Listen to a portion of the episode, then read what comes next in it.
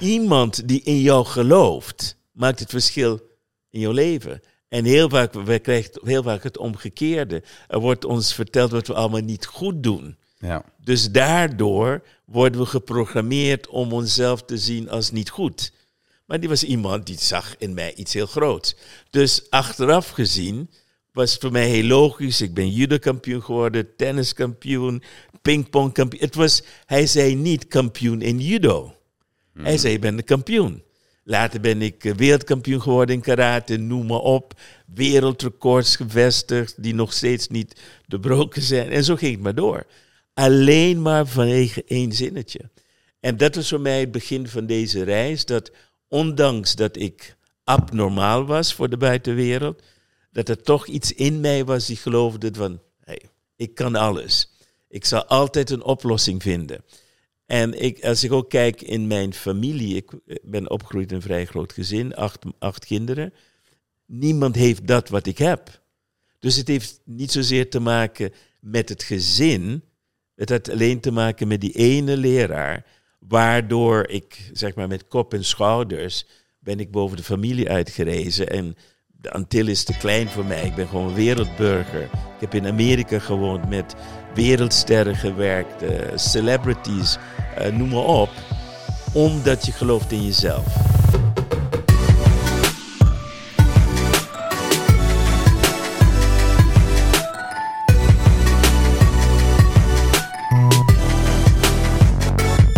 Welkom bij Barberio Podcast. We hebben weer een nieuwe aflevering vandaag uh, waar ik heel erg naar uitkijk.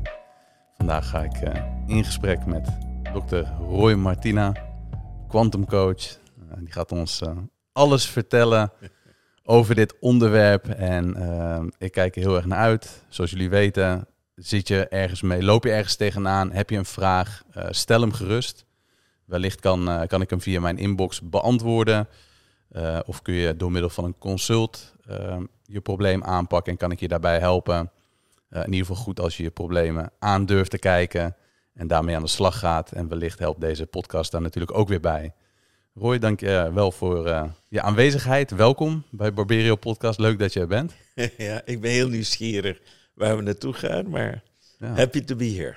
Ja, we laten ons altijd gewoon leiden door, door hoe het gesprek loopt. ja, quantum coach. We hebben het er net al even over gehad, kwantum, het oneindige. Maar ja, hoe is het zo gekomen dat jij op de plek bent waar je vandaag bent en mensen helpt met, met ja, kwantumfysica en, en wat is dat precies? Ja, er zijn in principe twee manieren om door het leven door, zeg maar heen te gaan. En één is weten waar je naartoe wilt gaan, een heel duidelijk doel hebben. Ik wil dit worden, ik wil dit bereiken, noem maar op. Dat noem ik het ego-stuk. Dat is, dat is normaal, niet goed of slecht. Gewoon, dat is onze drive. En dan heb je gewoon dat je een blad in de wind kunt zijn.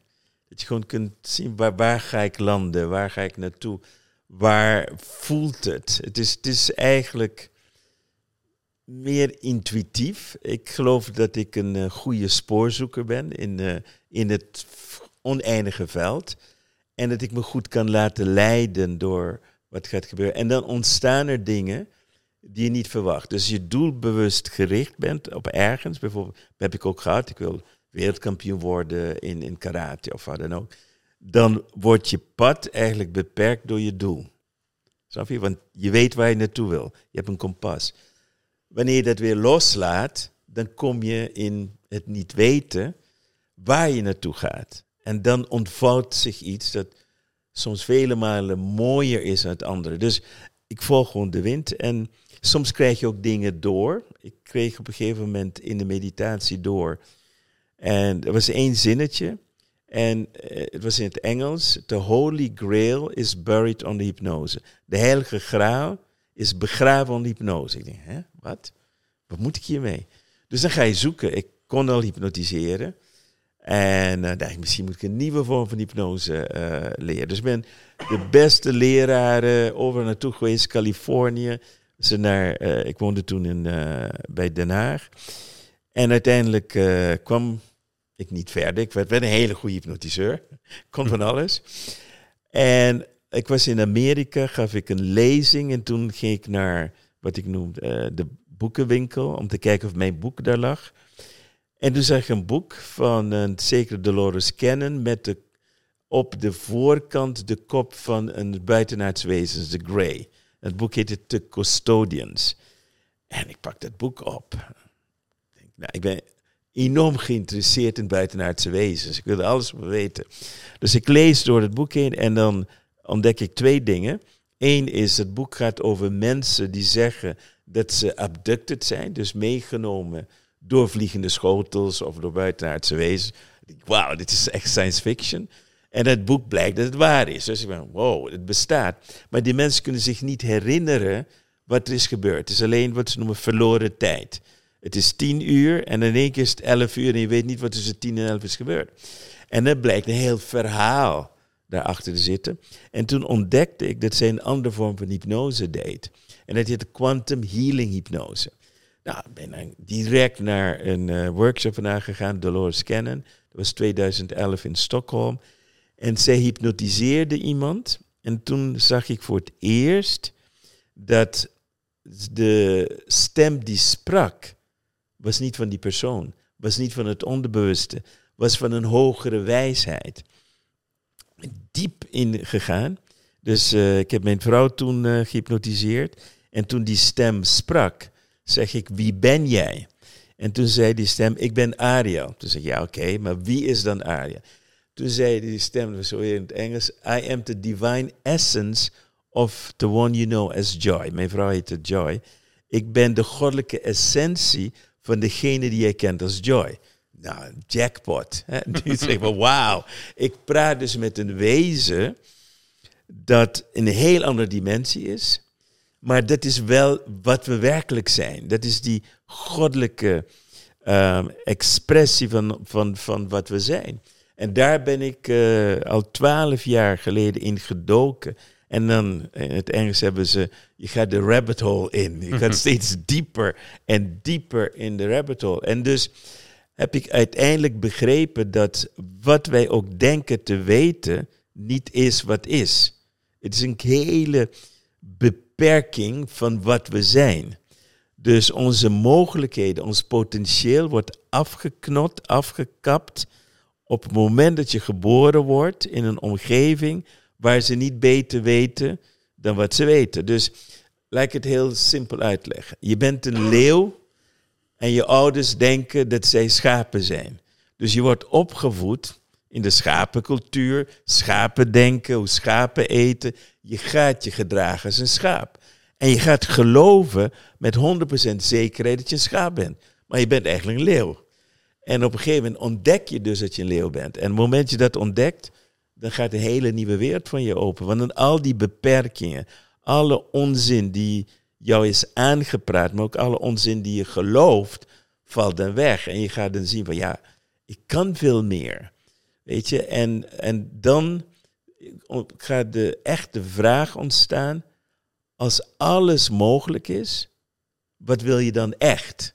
Als je niet denkt vanuit beperking, wat wil je dan echt? Nou, dat is een heel andere vraag dan wanneer ik je vraag, wat denk je dat mogelijk is? Dus, en ik denk dat quantum heel simpel samengevat is, uh, het uit het normale stappen, en dan stap je eigenlijk van jouw beperkte uh, perceptie van de wereld in de oneindige wereld van alle mogelijkheden.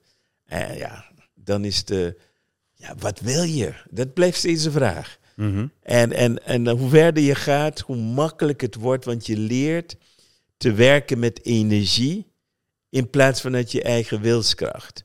ik ben super succesvol geweest in alles. Sport, wereldkampioen. Uh, boeken, wereldbestsellers. Noem maar op. Met de top van de wereld gewerkt. En toch kwam ik vanuit mijn kleinheid, kwam ik vanuit mijn ego. En nu zijn mijn doelen nog groter. Maar het is nog moeitelozer. Dus ik hoef niet meer die, die, die drive van doen, doen, doen, doen. Dat doe ik dus niet meer. Je gaat van hard werken naar slim werken naar moeiteloos werken. En, en dan, ons, dan ontstaat er iets van hoe trek ik de dingen aan? En dan kom je in het echte kwantum. Heel veel mensen hebben gehoord over de wet van aantrekkingskracht. Mhm. Maar dat, het is uh, meer de wet van magnetisme. Hoe, hoe sterk sta je aan? De wet van aantrekkingskracht is niet alleen een wet, het is ook uh, de intensiteit van de aantrekkingskracht. Iedereen trekt van alles aan. Moeiteloosheid gaat uh, om dat je leert om beter aan te trekken met minder te doen, in plaats van meer te doen. En als je dus durft over te geven dat je minder moet doen, want het gaat tegen alles in wat je hebt geleerd, dan kom je in een nieuwe wereld terecht. Dat is de korte uitleg over uitleg, ja. ja, want als we dan even teruggaan naar hoe dat dan voor jou is geweest. Je wordt geboren en als wij worden geboren, dan, ja, dan hebben we een bepaalde blauwdruk. Mm dat is gewoon wie wij zijn mhm. en wie we uiteindelijk worden. Mhm. Ehm, en ja, we hebben natuurlijk een aantal roadmaps, zoals mhm. bijvoorbeeld een Bijbel of andere geloven die dus een bepaalde route hebben die je moet volgen en aan bepaalde regels die je moet voldoen, zoals bijvoorbeeld van de overheid. Dus er ligt al een, hè, wat je zegt, een bepaalde route klaar voor je waar je een beetje aan moet houden en niet te groot denken, want dat, dat is niet voor iedereen weggelegd en we worden met beperkende gedachten, eh, daar worden we aan blootgesteld op school of door onze ouders en die hebben bepaalde verwachtingen van ons. En hoe is dat dan voor jou geweest? Dat jij op een gegeven moment doorhad van, wacht even, ik ben nu geboren, maar ik voel dat er voor, of, uh, voor dit leven ook leven is geweest. Waar, waar is voor jou een beetje de doorbraak geweest dat je doorhad van er is meer dan alleen wat ons verteld wordt? Of er is alleen, of er is meer om, om misschien voor mensen het even naar een versnelling terug te brengen, het begrijpelijk te maken van waar, waar is dat voor jou anders geworden? Dat, dat er dus meer is dan wat ons verteld wordt. Ja, nou, eerste plaats is het dus zo dat um, we moeten achter dat verhaal weer één stap naar achteren. En dat is dat alles wat er gebeurt, ook die blauwdruk waar je het over hebt, is een keuze van je ziel. Het, is niet, het overkomt je niet. Het is een hele bewuste keuze.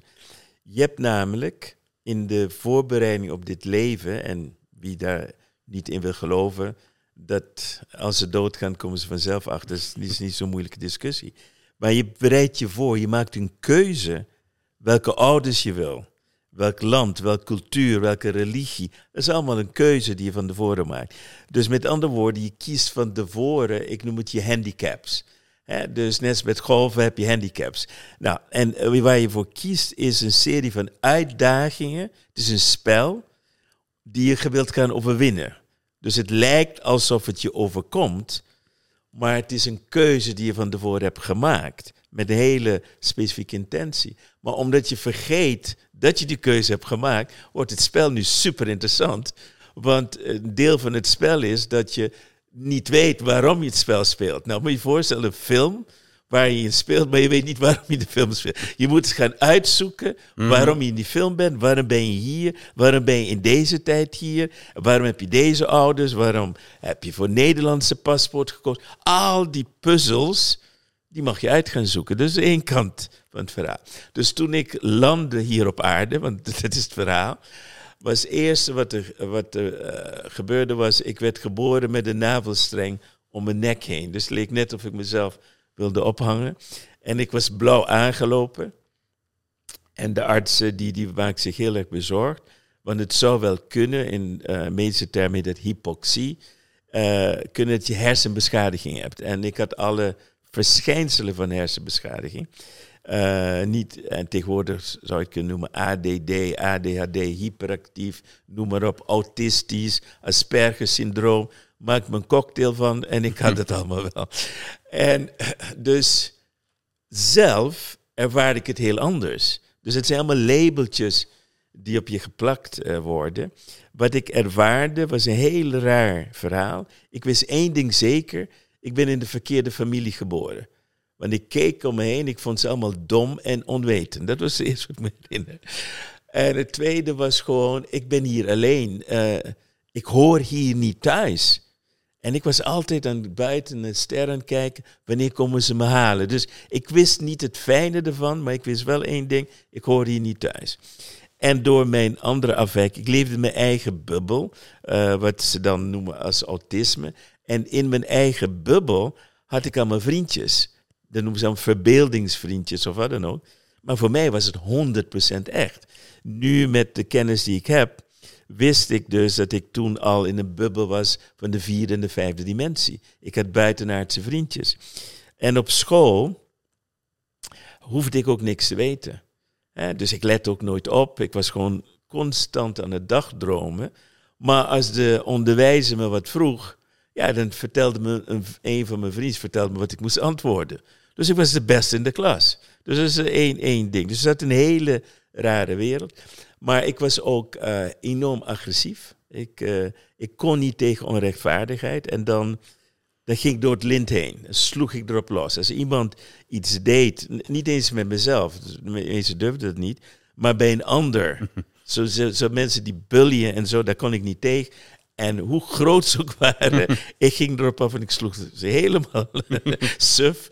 En op een gegeven moment bracht mijn vader, die was een politiecommissaris, die bracht me naar een psycholoog toe.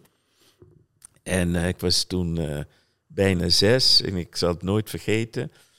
Want ik zag de blik in mijn vaders ogen toen de psycholoog tegen hem zei van... Heb geen hoge verwachtingen voor deze. Die, uh, dat gaat niks worden. Je mag blij zijn als je straks timmerman wordt. nou, op dat moment gebeurde iets in mij. En het was van, ik ga hem bewijzen dat het niet zo is. Dat, was, dat kan ik me nog herinneren. Maar hij zei ook iets heel goeds dat mijn leven heeft veranderd. En hij zei tegen me, stuur maar naar judo. Dat is goed voor zijn agressie. Dus ik word naar judo gestuurd en ik kom daar binnen. En dat was de tweede verandering, de grootste verandering gebeurde daar. En die leraar, ik, Sensei Nicolaas heet hij, vanaf het moment dat ik binnenkwam, hij keek me aan en hij zei, jij bent een kampioen. Ja, ik keek om me heen, ik denk, ja, ik, over, over wie heeft hij dus? maar dat bleef hij dus herhalen. En dus dat is het stuk dat wij missen in ons leven. Iemand die onze grootheid ziet. Ik weet niet of hij dat tegen iedereen zei. maar iemand die in jou gelooft, maakt het verschil in jouw leven. En heel vaak, krijgen heel vaak het omgekeerde. Er wordt ons verteld wat we allemaal niet goed doen. Ja. Dus daardoor worden we geprogrammeerd om onszelf te zien als niet goed. Maar die was iemand die zag in mij iets heel groots. Dus achteraf gezien was het voor mij heel logisch. Ik ben judo-kampioen geworden, tenniskampioen, pingpongkampioen. Het was, hij zei niet kampioen in judo. Hij hmm. zei, je bent een kampioen. Later ben ik eh, wereldkampioen geworden in karate, noem maar op. Wereldrecords gevestigd, die nog steeds niet doorbroken zijn. En zo ging het maar door. Alleen maar vanwege één zinnetje. En dat was voor mij het begin van deze reis. Dat ondanks dat ik abnormaal was voor de buitenwereld, dat er toch iets in mij was die geloofde van, hey, ik kan alles. Ik zal altijd een oplossing vinden. En ik, als ik ook kijk in mijn familie, ik ben opgegroeid in een vrij groot gezin, acht, acht kinderen. Niemand heeft dat wat ik heb. Dus het heeft niet zozeer te maken met het gezin. Het had alleen te maken met die ene leraar, waardoor ik, zeg maar, met kop en schouders ben ik boven de familie uitgerezen. En de Antilles is te klein voor mij. Ik ben gewoon wereldburger. Ik heb in Amerika gewoond, met wereldsterren gewerkt, uh, celebrities noem maar op, omdat je gelooft in jezelf. En dat is het ontbrekende stuk voor ons allen. En toen uiteindelijk Quantum langskwam, was het net de next step. Nu kon ik begrijpen vanuit de wetenschap. Kijk, heel veel mensen hebben het over spiritualiteit, maar spiritualiteit is een subjectieve interpretatie van de kwantumwetten. Mm Maar let wel op, de subjectieve interpretatie van. De kwantumwetten zijn objectief.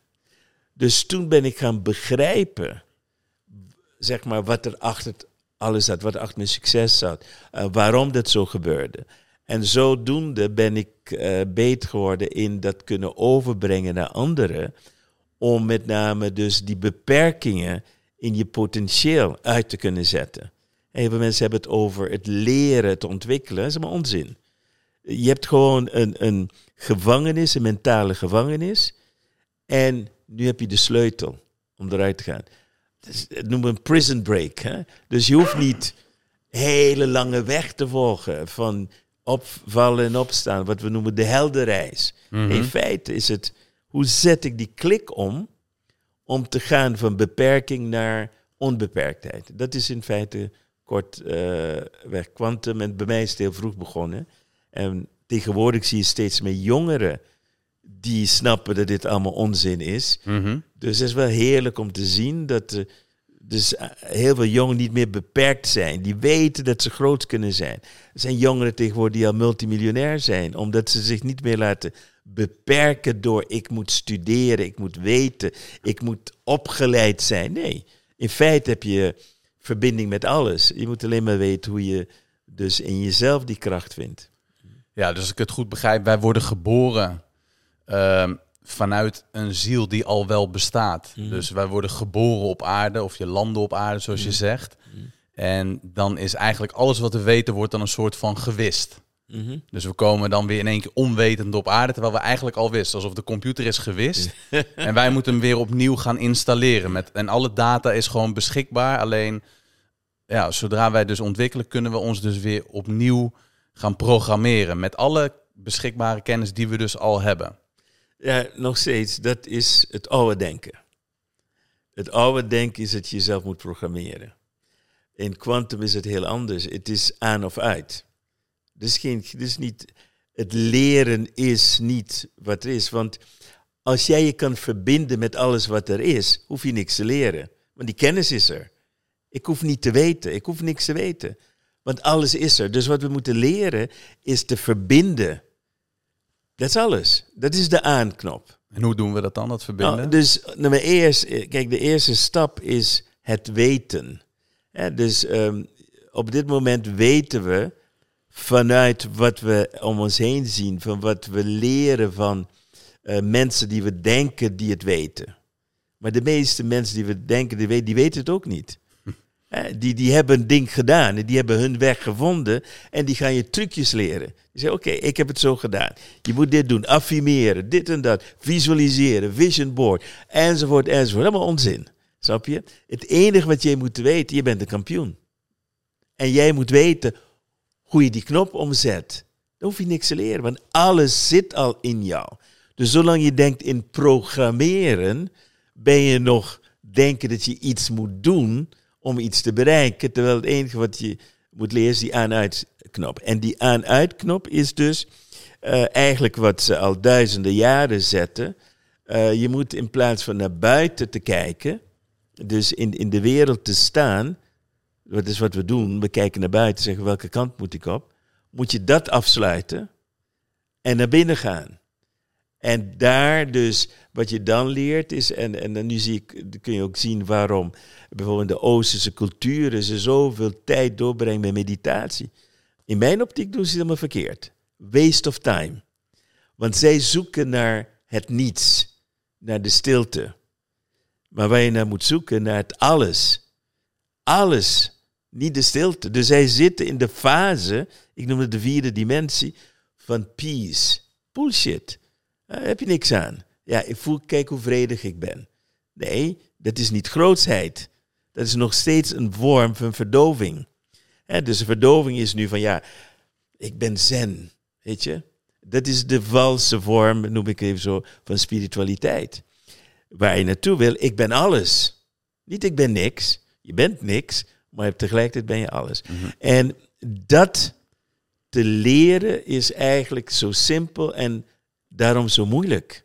Omdat wij door onze programmeringen niet kunnen geloven dat het simpel is. Daarom is het veel makkelijker voor een kind te geloven in een grootheid dan een volwassene. Want een kind zit niet met al die beperkingen. Dus ik heb altijd gezocht, oké, wat zijn de snelste wegen van wat ik weet over te brengen aan de ander? Nou, de, de, de snelste weg is hypnose. Waarom? Omdat uh, wanneer we iemand hypnotiseren, en, en uh, praat niet over normaal hypnose, wat ik doe is kwantumhypnose. Wanneer we iemand hypnotiseren, we brengen ze voorbij het ego, voorbij het onbewuste. Dat zijn de twee lagen. Ego eerst, dan heb je het onderbewustzijn. Dat is ook de verbinding met de ziel. Dan zit je in één keer in de vijfde dimensie en dan zit je in het veld. Dat is hetzelfde een tweede snelle manier, maar dat is nog, ik noem dat een, het is ongeleid projectiel. Met hypnose kunnen iemand begeleiden. Maar je hebt dus bijvoorbeeld tegenwoordig dingen zoals ayahuasca, Mhm. DMT, noem maar op, LSD. Dat is een andere manier. Maar het probleem daarmee is, omdat het een, een chemische, een- al is het natuurlijk, heb je dus, je be- bent niet geleid. Je, je zit in één keer in de oneindigheid en je hebt geen gids. Daarom dus bij ayahuasca, waar ze dat wel snappen, heb je dus een shaman bij. En de shaman zijn taak is te zorgen dat als er iets gebeurt, bijvoorbeeld je komt in de donkere lagen van je bewustzijn, waar al je shit is, weet je wel, dan ga je echt van kotsen. Die moet je dan vertellen, ja het is allemaal goed, kots maar lekker door, want eh, dan kom je er wel. Dus dat is eh, de traditie uit Zuid-Amerika. In Afrika doen ze veel anders. In Afrika laten ze een spirit uit de vierde dimensie toe. En dan ga je in één keer shaken. Je gaat van alles nog wat doen. Zo heeft elke cultuur weer een andere manier om in dat oneindige stuk te komen. Dus hypnose is een van de snelste manieren buiten, zeg maar, ayahuasca en dat soort dingen.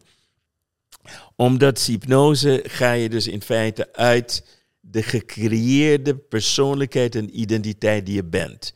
En dan kun je alles ontdekken wat er is. Dan ga je ontdekken het verschil tussen mens zijn, een ziel en de geest. Er zijn drie verschillende lagen. Eén is derde dimensie, vierde dimensie, vijfde dimensie. Je gaat de dimensies begrijpen.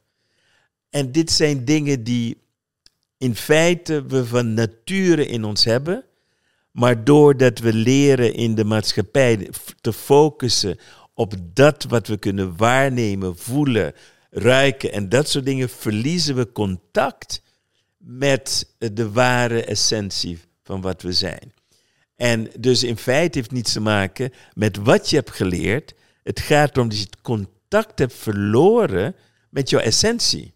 Dus als we een manier kunnen vinden om dat contact te herstellen, dan ben je er. Mhm. Je hoeft niks te leren. Je weet alles al. En dan heb je toegang tot die alwetendheid. En dan de, de tweede manier die ik heb gevonden, dat eh, over het algemeen is snel, ook snel gaat. Eh, want niet iedereen die, die is gecharmeerd om hypnose te leren. Dus een andere eh noem je snelweg. En dat noemen we quantum timeline jumping. Wat quantum timeline jumping inhoudt is het volgende. Dat wij hebben een leven in de derde dimensie en die lijkt lineair. Verleden, heden, toekomst. Dat is een lineaire tijdlijn. Maar wat de meeste mensen niet weten, dat parallel aan jouw lineaire tijdlijn is een oneindige aantal variaties aan diezelfde tijdlijn. Begin steeds meer in filmen tegenwoordig te zien. En het gaat steeds meer over quantum. Je hebt bijvoorbeeld Doctor Strange. eh, en noem maar op. Eh, everything happens everywhere at the same time. En daar gaat het over paralleltijdlijnen. Dus het wordt steeds duidelijker, ook in de films, dat wij niet alleen op één tijdlijn leven, maar dat onze ziel expressie geeft aan alle variaties die mogelijk zijn voor jou. Dus alles mogelijkheden die jij zou kunnen meemaken, liggen al vast. Right? Dus op het moment dat je dat weet, en dat is waar quantum timeline jumping over gaat, is de vraag, welke tijdlijn wil je ervaren? Wil jij de tijdlijn van armoede ervaren? Wil je de tijdlijn van succes ervaren? Wil je de tijdlijn ervaren waar je een super relatie hebt? Of wil je alles allemaal tegelijk? Ja, dat zijn keuzes die je, die je moet maken. En dan ga je leren om vanuit waar je nu bent, uh, door een simpele uh, visualisatieoefening, uh, waarbij je door een portaal gaat en dan kom je uit in, door een ander portaal op een andere tijdlijn. Uh, en dat heb je bijvoorbeeld, uh, er zijn ook films daarover geweest, bijvoorbeeld Stargate. Dan ga je door een portaal en ben je in één keer ergens anders in het universum. En als je dat leert, en dat is dus wat uh, ik de afgelopen twaalf jaar heb gedaan, en met de vraag zit, wat zou ik willen ervaren? En je kan ook gaan kijken, is dat wat je wil? En dan ga je dus, er zijn drie fasen die ik heb, die ik toepas. Eén, ik kom aan op de tijdlijn en dan ga ik kijken, oké, ik ga observeren. En wie ben ik dan op die andere tijdlijn? Wat doe ik anders? Hoe woon ik anders? Nou, je gaat leren van wat je zou kunnen noemen je parallele zelf. En dat zou kunnen worden je toekomstige zelf. Oké? Dat is één ding. Dat is informatie vergaren, vergaren, eerste fase. Tweede fase is, je gaat nu praten met je andere zelf. Zoals ik nu met jou praat, maar nu zit ik in die andere stoel, maar op een andere tijdlijn. Ik ga nu vragen stellen. hey Roy, hoe heb je dit gedaan? Ik zit hier mee. Hoe los ik dit op? Mhm. Dus ik word gecoacht door een andere zelf die een heel andere ervaring heeft dan ik. En de derde fase is één worden. Dus dan stel ik me voor dat ik in die andere Roy, in zijn lichaam kan kruipen en kan ervaren van binnenuit. Hoe voelt het om zo succesvol te zijn? Hoe voelt het om dit mee te maken? Hoe, dus dan ga je in wat ik noem de vibratie van de ander. Mhm. En die frequenties, dat gevoel, breng je weer terug. Via de portalen kom je weer terug in het nu. En dan ga je dus voorstellen, als ik die andere Roy zou zijn, hoe zou ik nou leven? Welke beslissing zou ik anders nemen? Nou, dan krijg je namelijk de wet van frequenties. We hebben de wet van aantrekkingskracht, maar achter de wet van aantrekkingskracht zit de wet van frequenties, ook wel eens de wet van resonantie genoemd. En dat gaat als volgt. Dat het universum de blauwdruk moet volgen van frequenties. Dus als sprake van kwantumveld, is het puur frequenties. Right? Eh, dus je gaat het universum dwingen om iets in je leven te veranderen. Dus als ik verander als persoon, Mhm. doordat mijn gedachte anders wordt, dat ik andere perspectieven krijg, anders in de wereld sta, maar anders voel, dan creëer ik een ripple effect die waarvoor gezorgd wordt dat het wat daarbij hoort ook komt. Bij andere woorden, als ik weet hoe het, is, hoe het voelt om een multimiljonair te zijn of een miljardair en ik kan dat gevoel vasthouden, dan moet ik multimiljardair of multimiljonair of miljardair worden. Kan niet anders. Dat is gewoon fysica. Mhm. Dus het gaat niet om geloven, het gaat om vibreren. Als je begrijpt wat ik bedoel. Ik moet me voelen, ik moet denken, eh, al de expressie worden van mijn miljardair zelf, Mhm. dan komen de kansen naar me toe om miljardair te worden. Ja. Zo simpel is het. Dus En op het moment dat je dat beheerst met quantum jumpen, dan kun je je hele leven snel veranderen. Supersnel. Dus het mooie is, het is moeiteloos. Althans, je moet een klein beetje moeite doen. ja. Dus als ik 's ochtends opsta, dan ga ik eerst in die, die jump van... Oké, dit is wat ik wil, hoe voel dat? Mhm. En vanuit dat gevoel is, hoe ga ik deze dag ervaren? En, en dus dan creëer je de dag. Aan het eind van de dag ga je terugkijken en zeggen, oké, wat is wel gelukt, wat is niet gelukt? Wat niet gelukt is, ga je opnieuw visualiseren, maar vanuit de gedachte van als ik in mijn kracht zou zijn, hoe zou ik anders hebben gereageerd? Hoe zou ik anders eh, hebben gevoeld? En ik heb een, eh, een vriend, een mentor gehad, die is hiermee miljardair geworden. En eh, toen dacht ik, wauw. Het enige verschil was, hij bleef een uur 's ochtends in bed. Dat was het. En hij was goed, eh, zeg maar, gemiddeld, niks te klagen. Nou, is binnen een paar jaar is hij miljardair geworden. Zonder daarvoor te rennen, Mhm. zonder een product. ja. Gewoon puur door dat, die frequenties. Ja, dus als wij op een bepaalde plek zitten die ons niet bevalt, of wij hebben geldproblemen of gezondheidsproblemen, dan moeten wij ervoor zorgen dat wij ons gaan voelen alsof dat dus niet zo is. Dus als iemand die wel die gezondheid heeft, hoe voelt iemand die zich eh, gezond voelt? Of iemand die dus veel geld heeft en, en welk leven hoort daarbij? Welke mensen in ons omgeving? Dus eigenlijk het eh, visualiseren en het manifesteren, maar niet gewoon opschrijven en ja, het zal wel, maar echt voelen en ervaren dat het zo is. Maar mensen die dus een gebrek aan gezondheid hebben of echt de, de rekeningen opgestapeld zijn, hoe komen zij dan in die staat? Want dat is natuurlijk de kunst. Iemand die dus een oké leven heeft, ja, die zit. Kijk, ehm, ik heb net een, een programma gemaakt voor mensen met kanker. En dat heet de ehm, Cancer Warrior Mindset. Het is, het is een staat van zijn. Kijk, wanneer je kanker krijgt, en zeker wanneer de dokter je vertelt het is terminale kanker, dan eh, gebeurt er iets in jou. Weet je, je wil het niet geloven, maar je gaat twijfelen. En op het moment je gaat twijfelen, schakel je dus de krijger uit. En dan ben je in de slachtofferrol.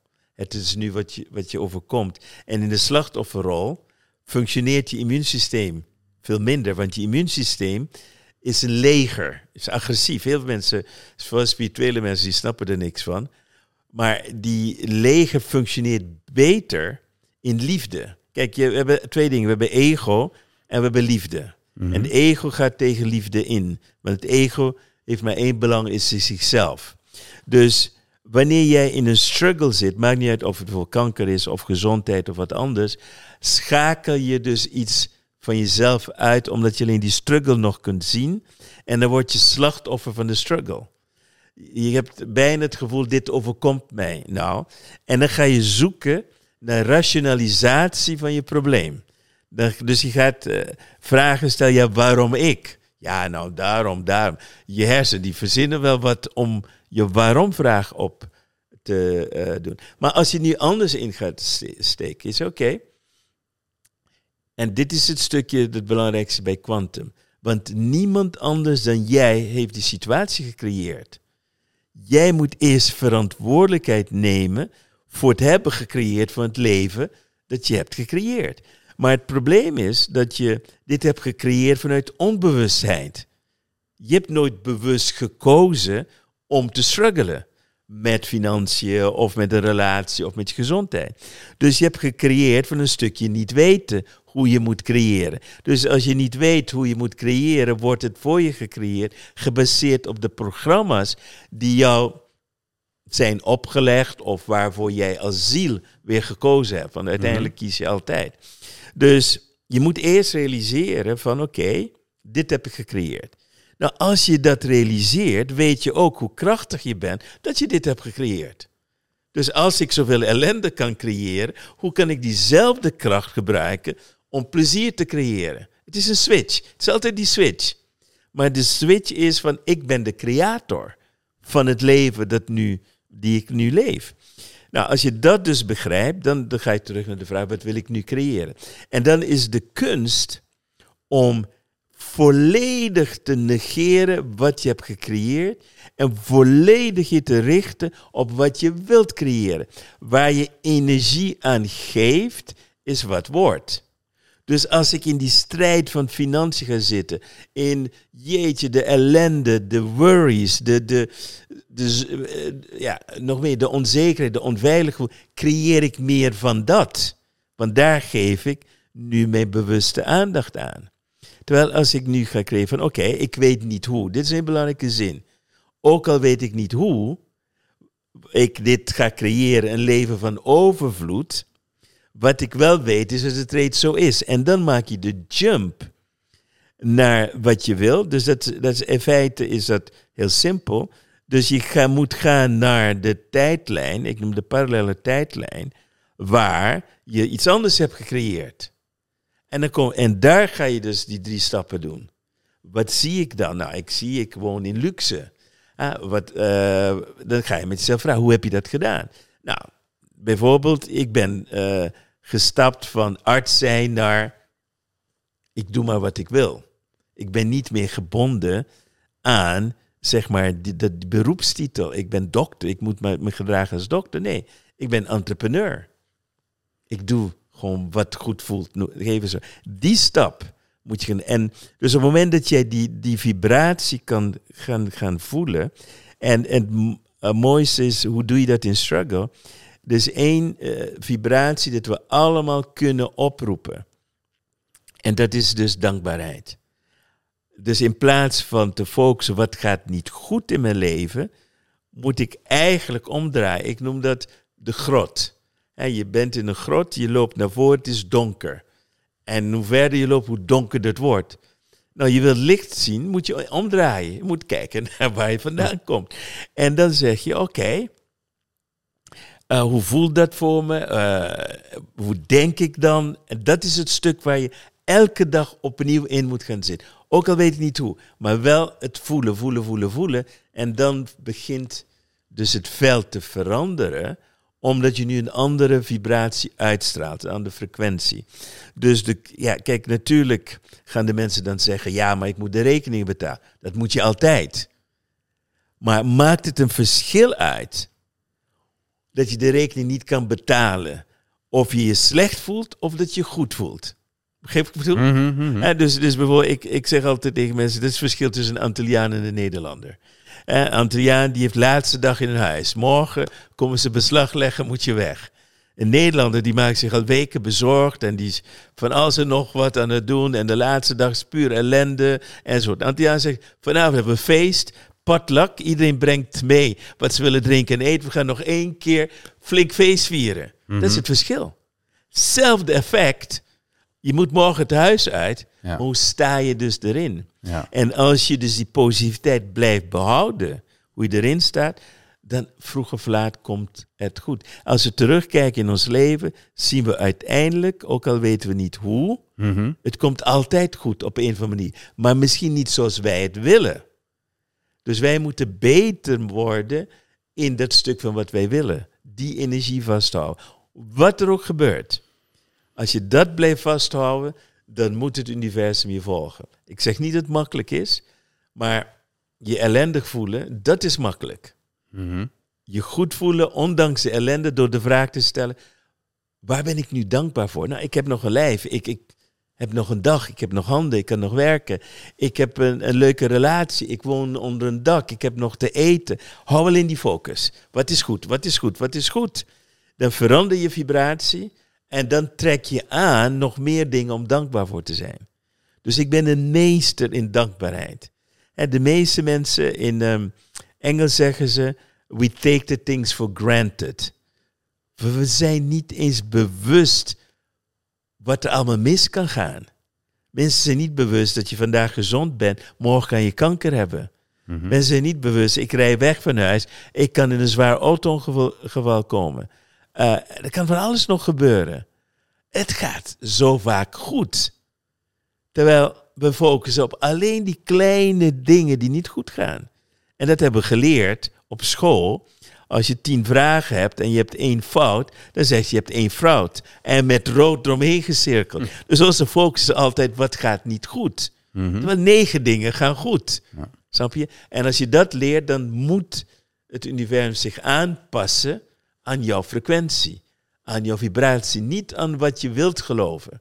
Want geloven is hoop. Weten is wat anders. Dus heel veel mensen willen geloven in de wet van aantrekkingskracht. Ik weet dat de wet van aantrekkingskracht zo is. Dus ik geloof niks. Dus ik volg dat wat ik moet doen om die wet van aantrekkingskracht in eh, werking te zetten. En niet hopen dat het werkt. Weten dat het werkt. Het is net zo goed als de wet van zwaartekracht. Als jij boven op een eh, gebouw staat, als je er vanaf springt, ga je niet vliegen. Ook al ben je on drugs. je? weet dat je niet gaat vliegen. Snap je? Ja, dus het verschil tussen Dus je hoopt niet dat je gaat vliegen. Snap je? Ja. Dat is het verschil. Het verschil tussen weten en geloven is niet klein, is heel groot. En, en eh, de, wat we één ding kan je vertellen, ik werk vanuit wetenschap, niet vanuit geloven. Mhm. De meeste mensen werken vanuit geloven. En dat is hopen dat het zo is. En als je hoopt, dan weet je het niet en dan kun je niet echt ervaren. Maar is dat dan ook het verschil tussen mindset en, eh, en op het vertrouwen dat het goed komt? Dus echt ook richting geloven, dus je energie veranderen. Want eh, heel veel wat je eerder ook al zei eh, voor de podcast, hè, mindset en alles op kracht doen, daar kun- kan ik een gym mee opbouwen en dat komt vanuit mijn ego. Want heb wat erkenning in mijn verleden gemist, dus ik dacht ook, ik ga ze eens laten zien dat ik mijn school niet heb afgemaakt, maar dat ik, dat ik hier een gym kan eh, bouwen van eh, 300 vierkante meter. En dan kom je erachter dat, dat die leegte of die erkenning, dat ik die nog steeds niet heb. En dan, dan heb je ook het loslaten van, oké, ik voel me eigenlijk al goed genoeg. Ook al bereik ik niks, ik voel me goed over mezelf. En dan zit je in een bepaalde energie, waarbij je dus meer aantrekkingskracht hebt voor het positieve dan wanneer je het geforceerd gaat opbouwen. Ja, het is heel mooi dat je het zo zegt, want dit, dit gaat eh, precies zoals het ego dus werkt. Hè. Mhm. En daar komt ook vaak onze power vandaan. Hè, de bewijzen. Ik bedoel, guilty as charged. Hè. Dat is, eh, herken ik 100%. Hè, dus ik zocht naar, zeg maar, eh, waardering en goedkeuring van mijn vader. Dat was voor mij, hij was mijn god, zeg maar. Ik ben heel ver gekomen daarmee. Niks mis mee, Nee. snap je? Maar uiteindelijk merk je dat je niet zo ver gekomen bent. Misschien voor de buitenwereld wel. Voor de buitenwereld, ik ben super succesvol. Ik ben de enige arts in Nederland die wereldberoemd is en op heel veel gebieden. Snap je? Ja, succes easy. Maar het gaat niet om succes. Het gaat om iets heel anders. En dat kun je veel sneller bereiken. Uh, waar het om gaat, is je goed voelen over jezelf. Nou, daar heb je het succes niet voor nodig. en als je goed voelt over jezelf, trek je meer dingen aan waar je nog meer goed gaat voelen over jezelf. Ga tien keer sneller. dus als je meer tijd zou besteden om te werken van ik ben goed zoals ik ben. Ik ben perfect zoals ik ben. Ik ben super zoals ik ben. Ik ben waanzinnig zoals ik ben. Ik ben groot zoals ik ben. Ja, dan komt het. Snap je? Dus je, het, is, het geloof is één ding. Het is zo diep gaan totdat je het weet. Ik weet dat ik fucking goed ben. Ik ben een super manifesteerder. Niemand hoeft mij te vertellen. Complimenten doen me niks. Snap je? Kritiek doet me niks. Ik weet wie ik ben. Ik weet waarvoor ik sta. Wat jij ervan vindt, not my problem. Ik trek me geen fuck aan van wat mensen denken. Waarom zou het me schelen? Wie, wie heeft wat negatiefs om mij te vertellen? Allemaal schapen. Natuurlijk. ik snap het. Ik heb empathie voor je. Snap je? Daar zit, dat is niet het probleem. Het probleem is, is dat ik weet wie ik ben. Dan heb je het over vertrouwen. Vertrouwen is het, het is ook het weten. Ik weet dat het goed gaat komen. Mijn mantra is: het beste komt nog. Ik ben 70, ik ben net opgewarmd. Beste leven is nog voor mij. Dan heb je het over mindset. Mindset is een fixatie, levensgevaarlijk. Ik kom uit de vechtsporten. Om succesvol te zijn in de vechtsporten vraagt vaak de mindset van succes. In de vechtsport is de mindset van succes vaak door je pijn heen gaan. Door, uh, ik heb geleerd, er zijn bijvoorbeeld drie uh, levels van conditie. Dus voor ik een wedstrijd inga, sla ik me helemaal leeg. Dat is de eerste level. Nu zit ik op een tweede lucht. Maar er is ook een derde. En de derde is de goddelijke kracht. Als ik in de ring stap, stap ik niet in de ring. In die ring stapt een godheid. Ik hoef niet na te denken. Mijn lichaam reageert. Mijn record is dat de meeste mensen een knockout heb geslagen binnen 30 seconden. Niet één, niet twee, 90. Om hem even te noemen. Maar ik ben het niet in, de, in, de, in die krings. Daar staat iets anders. Ik denk niet, mijn hele systeem is een soort artificial intelligence. Het weet het beter dan ik wat moet gebeuren. Je denkt niet na hoe je iemand gaat stoten, knock-out gaat staan. Het gebeurt. Weet je, natuurlijk moet je daarvoor trainen of je moet het downloaden in jezelf. En ik heb Bruce Lee in mezelf gedownload. Dus ik was het niet. Bruce Lee stapt in de, in, in de. En ik heb alle krachten, de snelheid daarvan. Dus dat is het stukje dat vertrouwen komt door ervaren. Dus als jij heel veel hebt ervaren hoe het is om succesvol te zijn, weet je dat je succesvol bent. Nou, hier is het grote verschil bij heel veel mensen. Ik weet dat ik intelligent ben. Maar ik weet ook, ik maak heel veel domme fouten. Maar ik zal nooit mezelf zien als dom. Ik ben een intelligent persoon die domme dingen doet. Maar iemand die dat niet weet, die gaat zichzelf dom vinden. Ook al doet hij intelligente dingen. Dus heel veel mensen voelen zich dom, mhm. terwijl ze hele slimme dingen doen. Maar hoe je erin staat, is dus heel anders.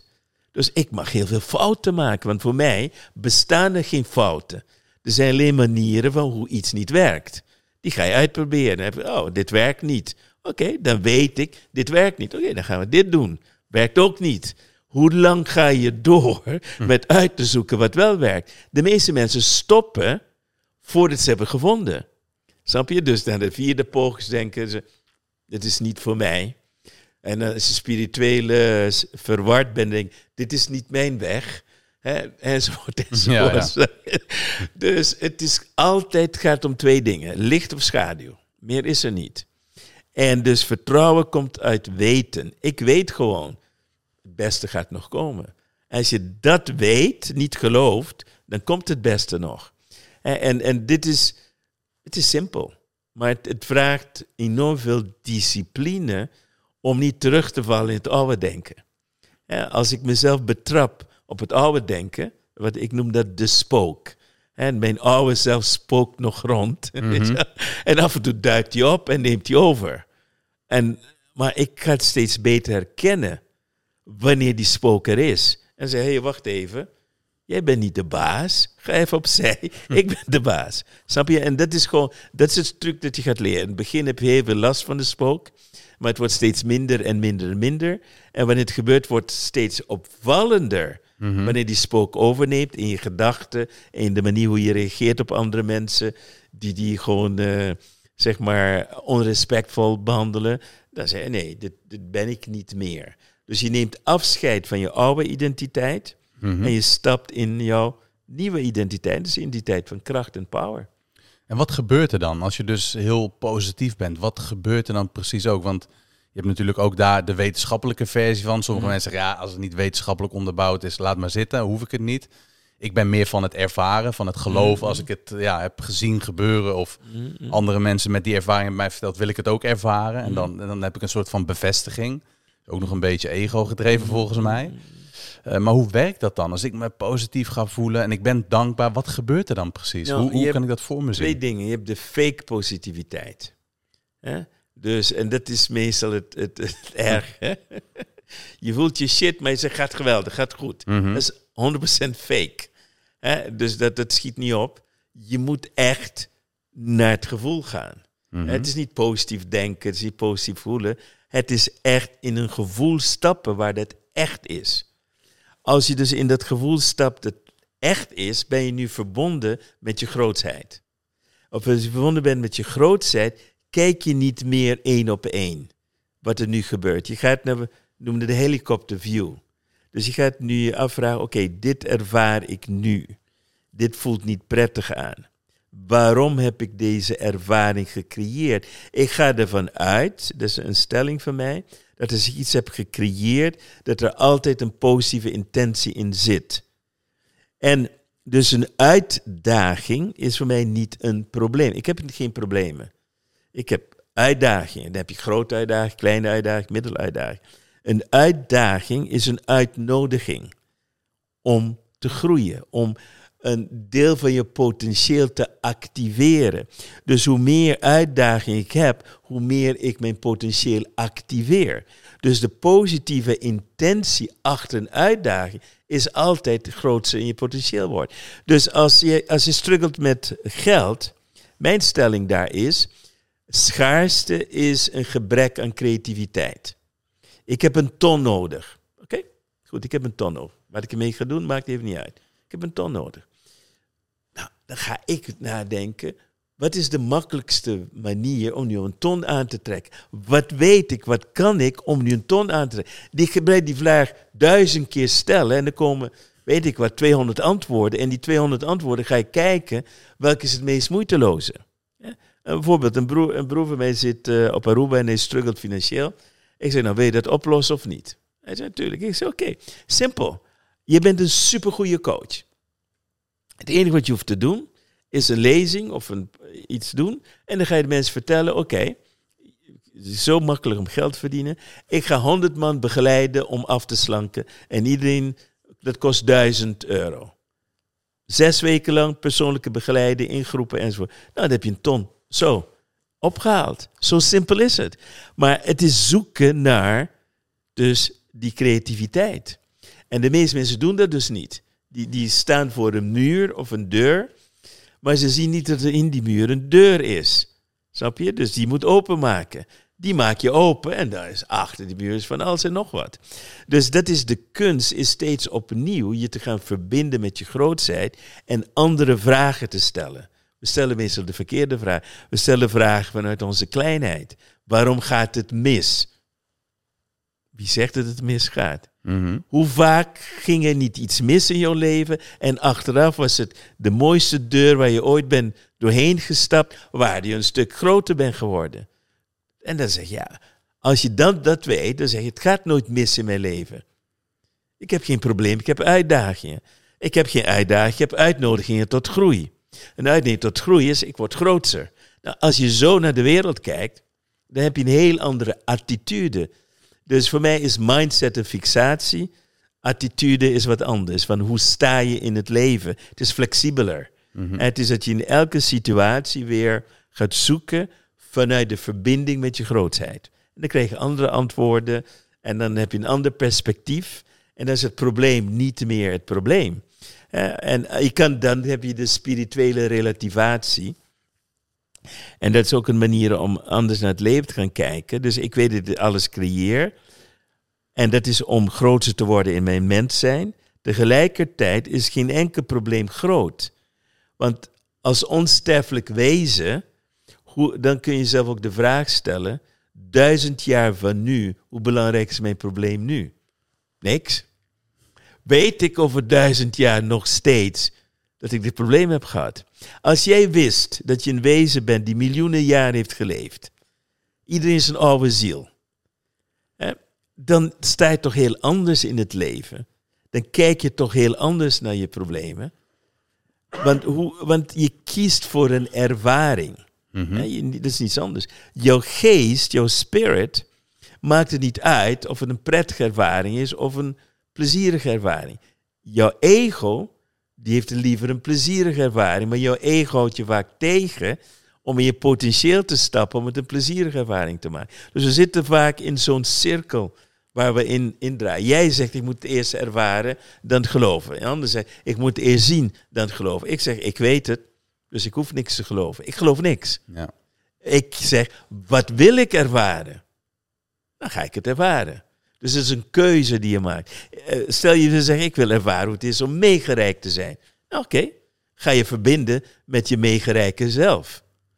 Maar niet vanuit dat je wilt bewijzen dat je het kan, maar omdat je het lekker vindt dat je het kan. Snap je het verschil? Ja, ja, ja, ja. Ik vind het lekker om te doen wat ik doe. Ik doe alleen de dingen waar ik plezier aan heb. En daardoor stroomt het ook zo hard. En dan denk ik, oké, wie kan ik nog meer helpen? Dus ja, oké, kanker. Oké, ik heb daar de oplossing voor. Dus ik kan mensen met kanker, ik zeg niet dat ik iedereen kan genezen. Maar ik zeg wel, als ik genoeg tijd heb, dat ik 80% van de mensen met kanker kan helpen. Om door hun attitude over kanker te veranderen. En dan kun je zeggen een nieuwe mindset te creëren. Van ja, ik kan dit overwinnen. Want da- daar kun je die mindset voor gebruiken. Maar het gaat niet door hard werken in die zin. Het gaat om te verbinden met diegene, die andere zelf die van kanker genezen is. Mhm. Dus dat je die jump daar naartoe maakt. Hoe heb jij het gedaan? Wat, hoe, wat geloof je anders dan ik geloof? Want wonderen gebeuren elke dag, ook met kanker. En de vraag is, wil jij die wonder zijn? Wil je dat ervaren? Of sukkel je verder? Er zijn ook mensen die kiezen om te sterven liever dan alternatief iets gaan doen. Want zij geloven dat de alternatieve dingen niet waar zijn, niet Mhm. goed zijn. Allemaal oplichterij. ja. Dat komt door de artsen die niks weten. Dus die arts ga je vertellen, onzin. Wat wij weten is de echte waarheid. Wat, dat is echt onzin. Ja, want het is natuurlijk nu het is een heel beladen onderwerp natuurlijk. Ik denk dat elke luisteraar wel iemand in zijn eh, of haar familie heeft die een keer kanker heeft gehad. En Oh de ja. enige oplossing die Het er geldt is chemo. erger. Wordt alleen maar erger in En er deze krijgen tijd. steeds meer mensen Ja, kanker. En, en er is alleen maar chemo. Maar ik wil steeds meer mensen die, ja, als de kans groot is dat je sterft, toch misschien een andere oplossing gaan doen. Maar ja, dit is natuurlijk een oplossing waarbij je springt en valt en de uitkomst loslaat. Maar ja, door chemo te nemen gebeurt eigenlijk hetzelfde. Alleen dat is natuurlijk ja, vanuit de wetenschap, vanuit de eh, reguliere gezondheidszorg, de enige oplossing. Ja, maar goed, eh, wat je dus zegt, wetenschap. Het is helemaal geen wetenschap, hè? Het is fraude. ja, de, de farmaceutische industrieën zijn de meest fraudulente maatschappijen ter wereld. Nog erger dan de voedselindustrie, die ook fraudulent is. Daar eh, kan een CEO miljoenen mensen eh, de dood injagen en hooguit een, een, een boete krijgen. Die, die, die, dat is een gecalculeerd risico. Mhm. We betalen zoveel jaar aan boetes, zoveel, jaar, zoveel miljarden aan advertenties. Ik geloof niet in de medische wetenschap. Dat is geen wetenschap. Je gooit er net zoveel geld tegenaan tot je bewijst dat het werkt. Mhm. En dan verdraai je alles, je masseert de cijfers. Dus ik ben niet zo gelover in de medische wetenschap. Wat ik wel weet is het volgende. Het is een business. Mhm.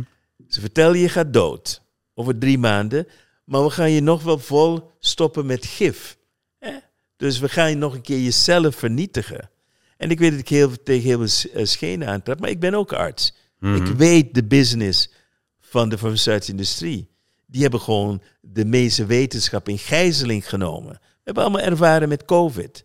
Ze verkopen je rotzooi, gif. Maar het is wel goed voor je. Het is niet bewezen het goed is voor je, Mhm. maar het is wel goed voor je. Ja.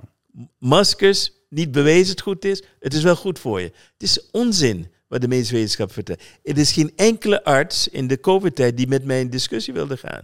Ik kon laten zien dat het fraude was. Niemand durfde. Snap je? Dus als je praat over de medische wetenschap, is wat heel veel mensen geloven dat waar is. Ik kreeg het afval van de medische wetenschap.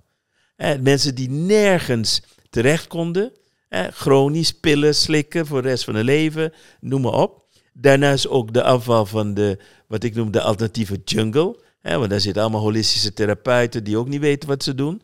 Dat klinkt heel arrogant, maar ik doe onderzoek. Dus in die groep, als je daar 80% resultaat haalt van wat opgegeven is, ja, dan, dan weet je wat je aan het doen bent. Ik heb over heel de wereld daar les in gegeven. En waar het echt om gaat, is dus eigenlijk maar één ding. Met alle vormen van ziektes gaat het maar om één ding. Wat is jouw struggle? Wat zijn je conflicten? Wat zie je niet? Wat ga je niet aan? Dat altijd draait het alleen om die dingen. In het mens zijn, of je nou struggelt met geld, of je struggelt om kampioen te worden ergens in, of dat je struggelt in het relaties, of je struggelt met gezondheid, allemaal dezelfde rode draad. Geen verschil. Vandaar dat ik zie als ik met een kankerpatiënt werk, ben ik ook een coach. Ja, ik weet wel heel veel van kruiden, planten, maar ik ben voornamelijk een mental coach. Hè? De rest is dus een ondersteuning van het mental coaching. Voeding, eh, welke vitamines kruiden wel of niet gebruiken. Dat is veel minder belangrijk dan wat hier gebeurt tussen je twee oren. En of ik nog met een sporter werk die wereldkampioen wil worden, precies hetzelfde. Of ik iemand, eh, zeg maar, eh, coach op gebied van relatie, precies hetzelfde. Dus de rode draad is altijd onze onderbewuste en hoe dat geprogrammeerd is. En we worden geprogrammeerd in onze kleinheid. Dus het maakt niet uit wat het is dat je uitdaging is. De principes blijven hetzelfde. Vandaar dat ik een, een, miljardair kan coachen. Een CEO, een filmster of, of een eh, wereldzanger of een gewone, noem het maar gewoon, iemand met een gewone baan. Snap je? Mhm. Er is geen verschil. Alleen bij die ene, ja, die eh, is bereid meer te betalen dangene die zeg maar eh, moet leven van een, een, een gemiddeld inkomen. En ze leven van een gemiddeld inkomen omdat ze geloofden dat voor hen de enige manier is. Mhm. Ik kan ook iemand nemen die zeg maar bij wijze van spreken vandaag dakloos is en over drie jaar is hij miljonair. Want het gaat om dezelfde principes. Het is één, wat geloof je over, over jezelf? Wat geloof je over de wereld? En wat geloof je wat mogelijk is? Nou, als je die dingen aanpakt, dat zeg maar verandert, Mhm. dan is alles weer mogelijk. Dan is niets onmogelijk. Dat is ook de, voor mij de belangrijkste reden geweest waarom ik gekozen heb om heel lang in Amerika te wonen. Omdat de, de mentaliteit is daar anders. In Nederland heb je zogenaamde spirituele mensen die alleen maar leven van afgunst, jaloezie en veroordeling van de ander, wat precies het tegenovergestelde is van spiritualiteit. Ze zoeken dualiteit op. Het is ego-spiritualiteit. Right? En niet zeggen dat Amerika daarin beter is, maar hier zit het zo dik bovenop. Mensen gunnen elkaar niks. In Amerika gunnen ze je alles. Dus als je miljonair of miljardair bent, willen ze van je leren. Hier dan vloeken ze je de grond in. Snap je? Ja, dat ja. is dus de kleinheid van Nederland. Het is het enige land ter wereld. Ik heb in meer dan twaalf landen ben ik succesvol geweest. Enige land ter wereld waar ik gewoon afgemaakt ben tot op de grond. Hè? Aan de schandpaal gezet. Omdat ik dingen beweer. Ik zeg, ik kan aids genezen. Ik heb honderden mensen met aids genezen. Toen was dat, dat kon niet. Want aids was dat.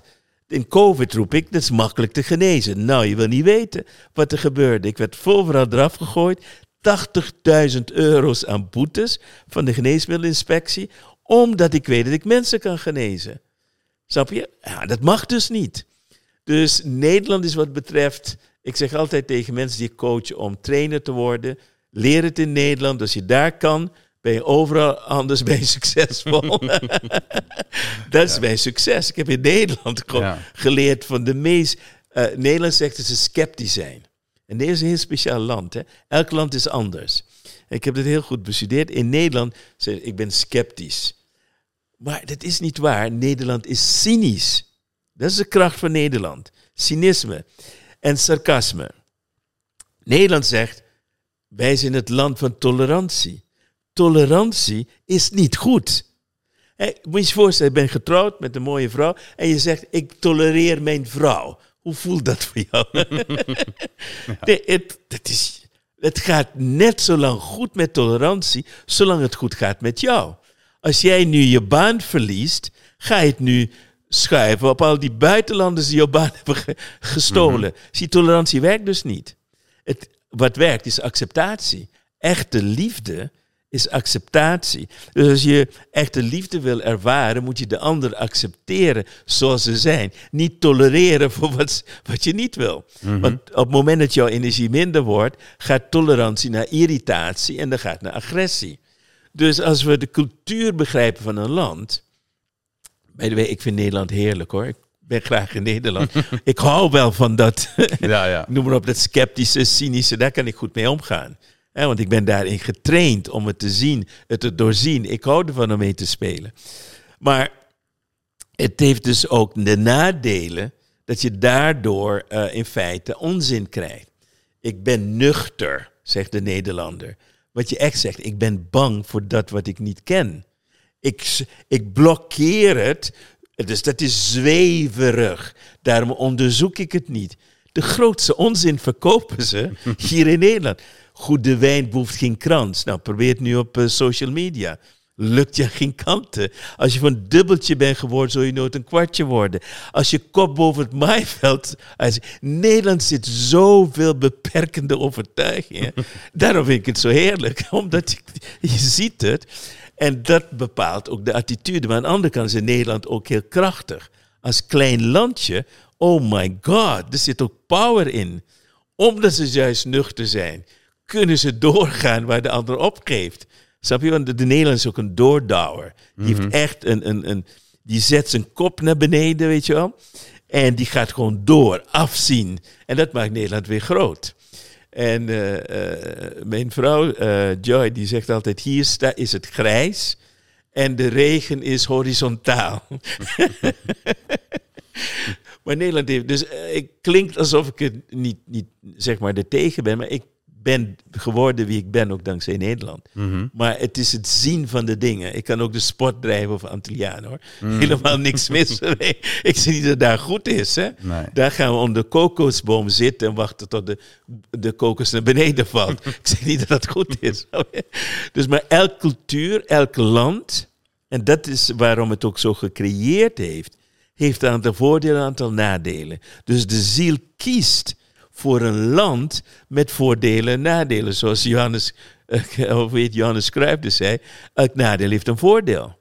Dus wij kiezen voor een cultuur, wij kiezen voor ouders, wij kiezen voor educatie. De nadelen heeft maar ook voordelen. Dus niks is slecht of goed.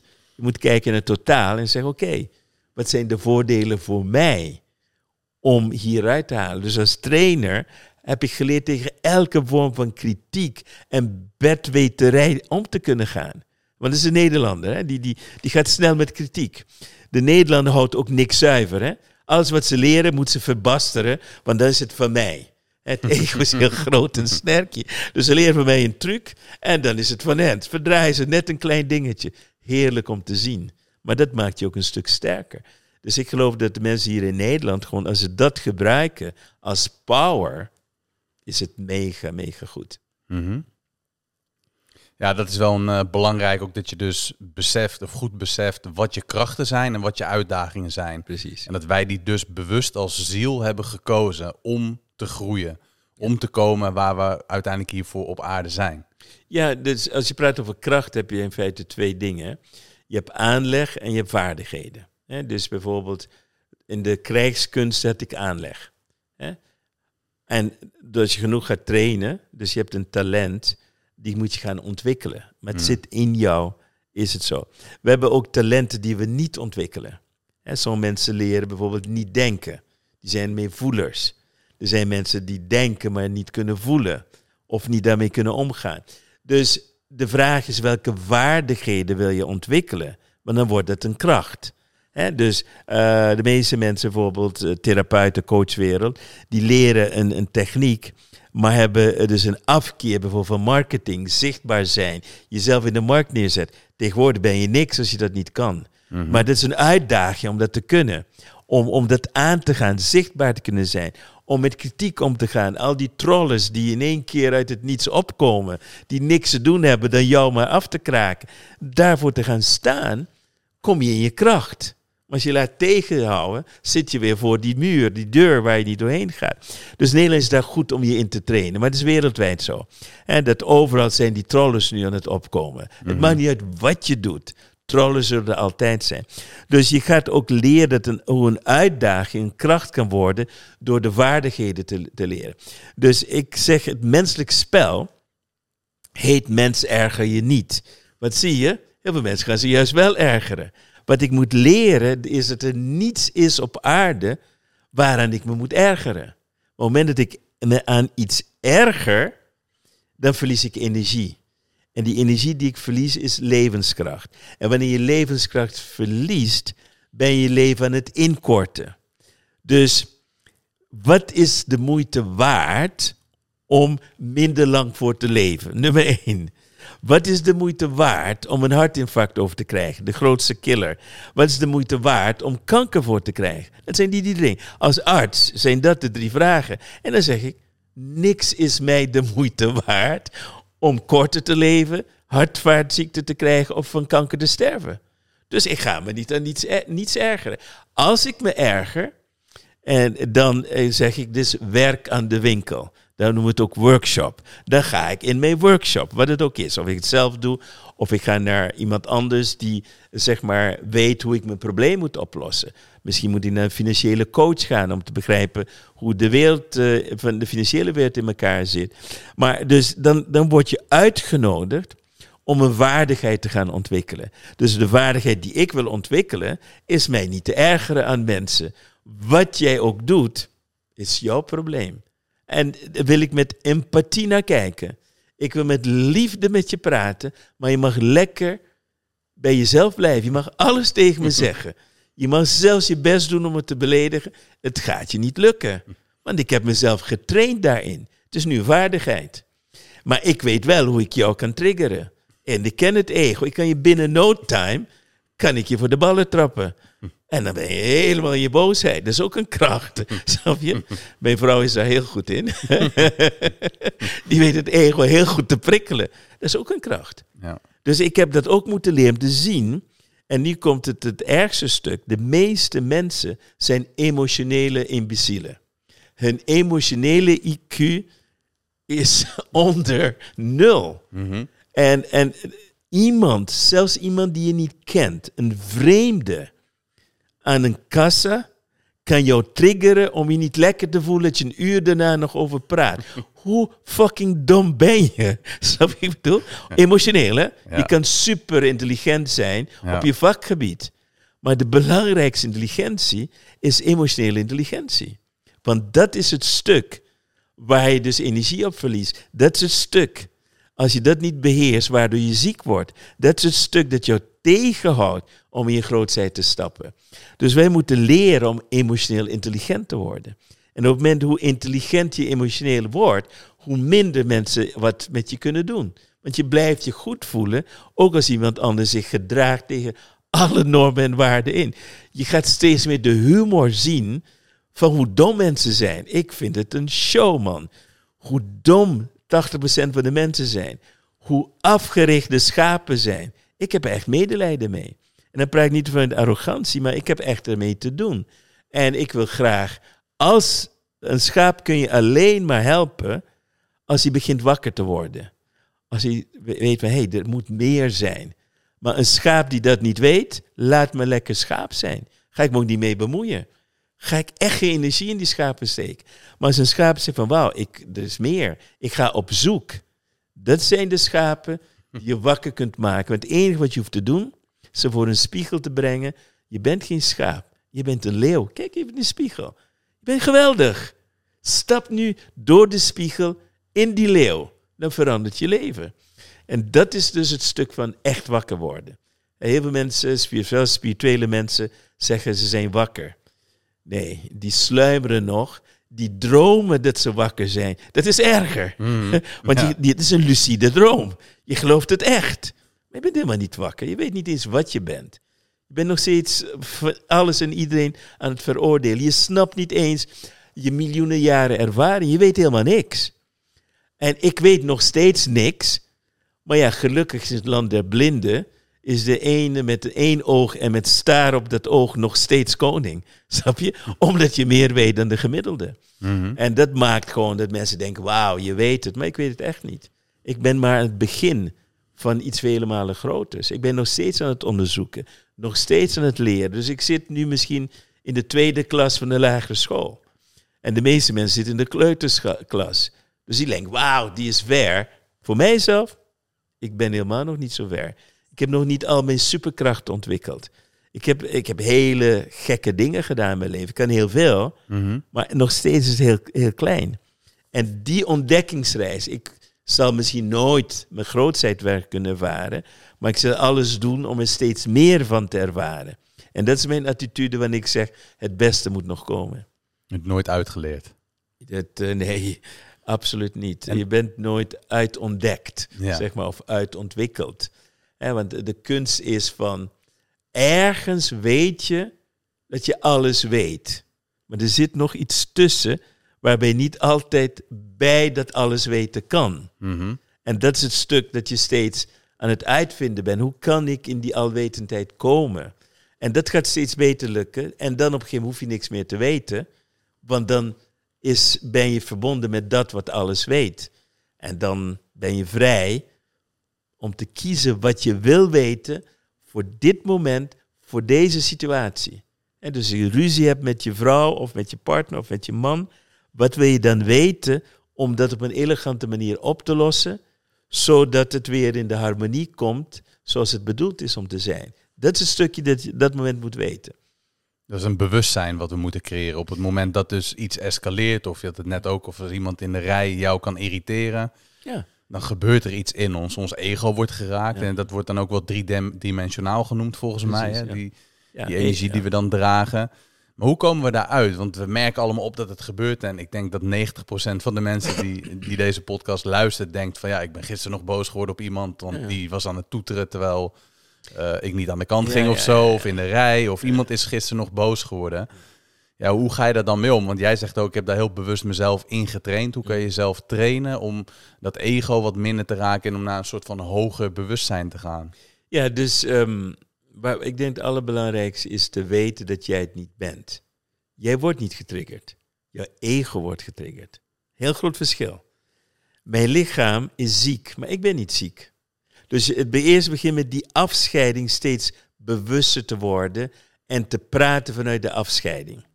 Als iemand zegt, ik hou van mezelf, wat zeggen ze? Wie is die ik en wie is die zelf? Die ik is dus het licht dat je bent. Die zelf is de schaduw die je denkt te zijn. Snap het verschil? Dus op het moment dat ik me ga afscheiden van mijn menselijke zelf, kan ik door de illusie kijken van die menselijke zelf.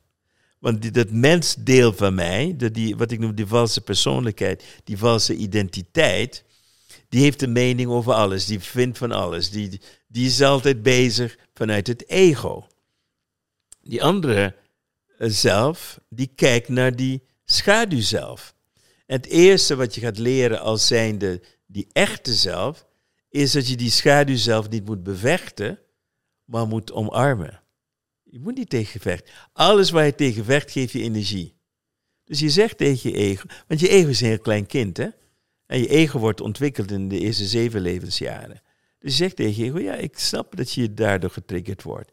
Wat vervelend. Ik snap dat jij je onveilig voelt wanneer mensen jou bekritiseren.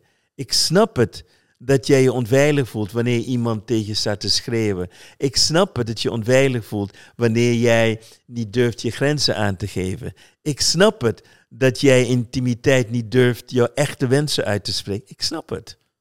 Kom maar hier. Laat me je knuffel geven. Bij mij mag je je veilig voelen. En dan ga je het ego vertellen wat jij gaat doen. Ik zeg, luister, ik snap het allemaal. Ik vind het hartstikke lief dat je me waarschuwt door me alle emoties te geven. Maar hier is mijn nieuwe voorstel. Ik wil dit ervaren. Ik wil ervaren hoe het is om 100% kwetsbaar te zijn. Ik wil ervaren hoe het is om mijn waarheid te vertellen, ongeacht wat de ander ervan vindt. Ik wil ervaren hoe het is om kritiek te krijgen en me daar goed bij te voelen. En echt te stralen van wauw, iemand heeft aandacht gegeven aan mij. Dat is geweldig. Iemand heeft de moeite genomen, weliswaar vanuit hun pijn en hun bullshit, om mij feedback te geven. Hoe geweldig is dat? Nou, je moet continu je ego opvoeden. Meer is er niet. Tot je ego snapt, hé, hey, er is geen gevaar. Kijk, je ego beweegt zich voor een hele kleine cirkel. Waar jij naartoe wil, is buiten die cirkel. Waar ego helemaal niet zich prettig voelt. Dat stukje is wat ik noem je goed voelen buiten de veilige cirkel van je ego. Waar jouw ego zich onveilig voelt, ga jij aan je ego leren hoe zich goed te voelen. Door continu in gesprek te gaan, maar wetende dat het stemmetje in je hoofd niet jouw stemmetje is. Dat is een echo van al je programma's. Als je daar dus jezelf in gaat trainen en je praat tegen je ego als een kind dat bang is, dat pijn heeft, dat trauma heeft, dan ga je het ego helen. En dan zeg je, ego, wauw, ik vertrouw jou. Ik vind het nog steeds onveilig hoor. Je mhm. gaat nu weer dat en dat doen, ik vind het eng. Maar ik vertrouw, ik ga met je mee. Ik ga je niet meer saboteren. En daardoor gaat het een stuk makkelijker in je leven. Dus mensen kunnen dat. Iedereen kan dat. Het is niet moeilijk. Ik, ik, verkoop geen moeilijke dingen. Het is simpel, maar je moet eerst die afscheiding maken. Ik ben het licht. Al ervaar ik dat niet altijd. Ik zeg heel vaak tegen mensen: ik ben liefde. Ik ben onvoorwaardelijke liefde. Maar heel vaak vergeet ik dat. Snap je? Dan vergeet ik dat ik het ben. En dan doe ik even wat anders. Maar dat ben ik niet. Dat andere ben ik, want ik ben die onvoorwaardelijke liefde. Kijk, en dat is het spel. En uh, je kan het ook zeggen, het gaat altijd goed, totdat het niet goed gaat. Dus je gaat heel anders kijken. En als het niet goed gaat, moet ik wat doen zodat het weer goed gaat. Dus hoe jij tegen jezelf praat, uh, dat wordt genoemd de, je innerlijke dialoog. Mm -hmm. Daar moet je greep op krijgen. Als je bemerkt dat je weer jezelf afkraakt, dan ben jij niet die jezelf afkraakt. Het is jouw ego die wat vindt. Het is jouw ego die wat moet zeggen. Het is je ego die een oordeel heeft. Het is een ego die negatief is. Die ga je trainen. Je wil van je ego een fan maken. Die, die je zegt een cheerleader is van jou. Die zegt van, goh wat doe je dit? Maar dat doe je door die ego te trainen. Dus voor ik naar bed ga, s'avonds, vraag ik mezelf af, wat is goed gegaan vandaag? En dan klop ik mezelf mijn schouder, Roy, je bent fantastisch.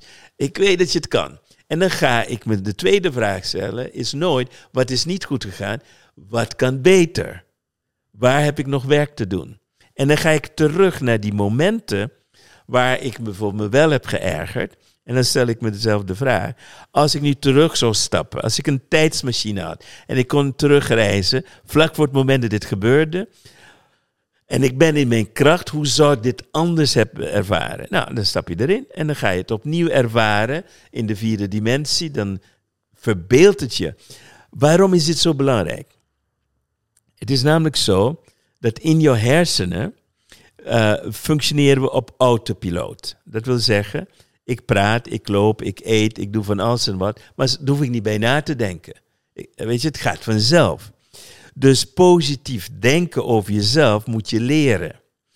En dat, wanneer het autopiloot wordt, betekent dat je voldoende verbinding hebt gemaakt in jouw hersenen, dat dat vanzelf gaat.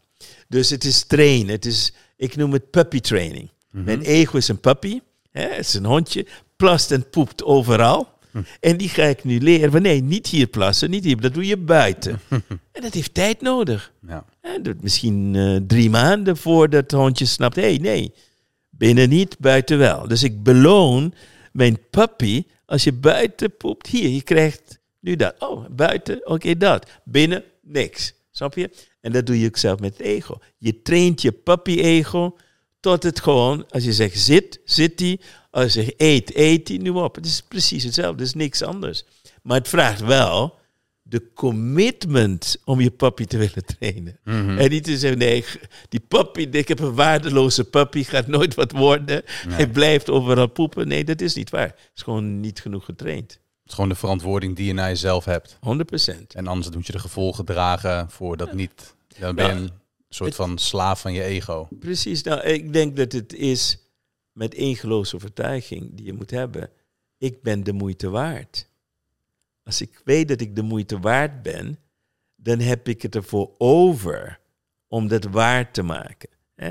Dus je eigen waarheid is wat je waar wil maken. Als je zegt, ik ben de moeite waard, dan wil je de tijd instoppen. Kijk, de mens is van natuurlijk lui.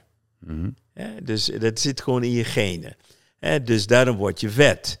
Want je denkt van nu kan, heb ik lekker overvloed, laat me extra eten, sla ik het op. En als het wat minder te eten is, dat komt nog uit van eh 250.000 jaar geleden. Dat zit nog steeds in ons. Dus we moeten ook onze lichaam trainen.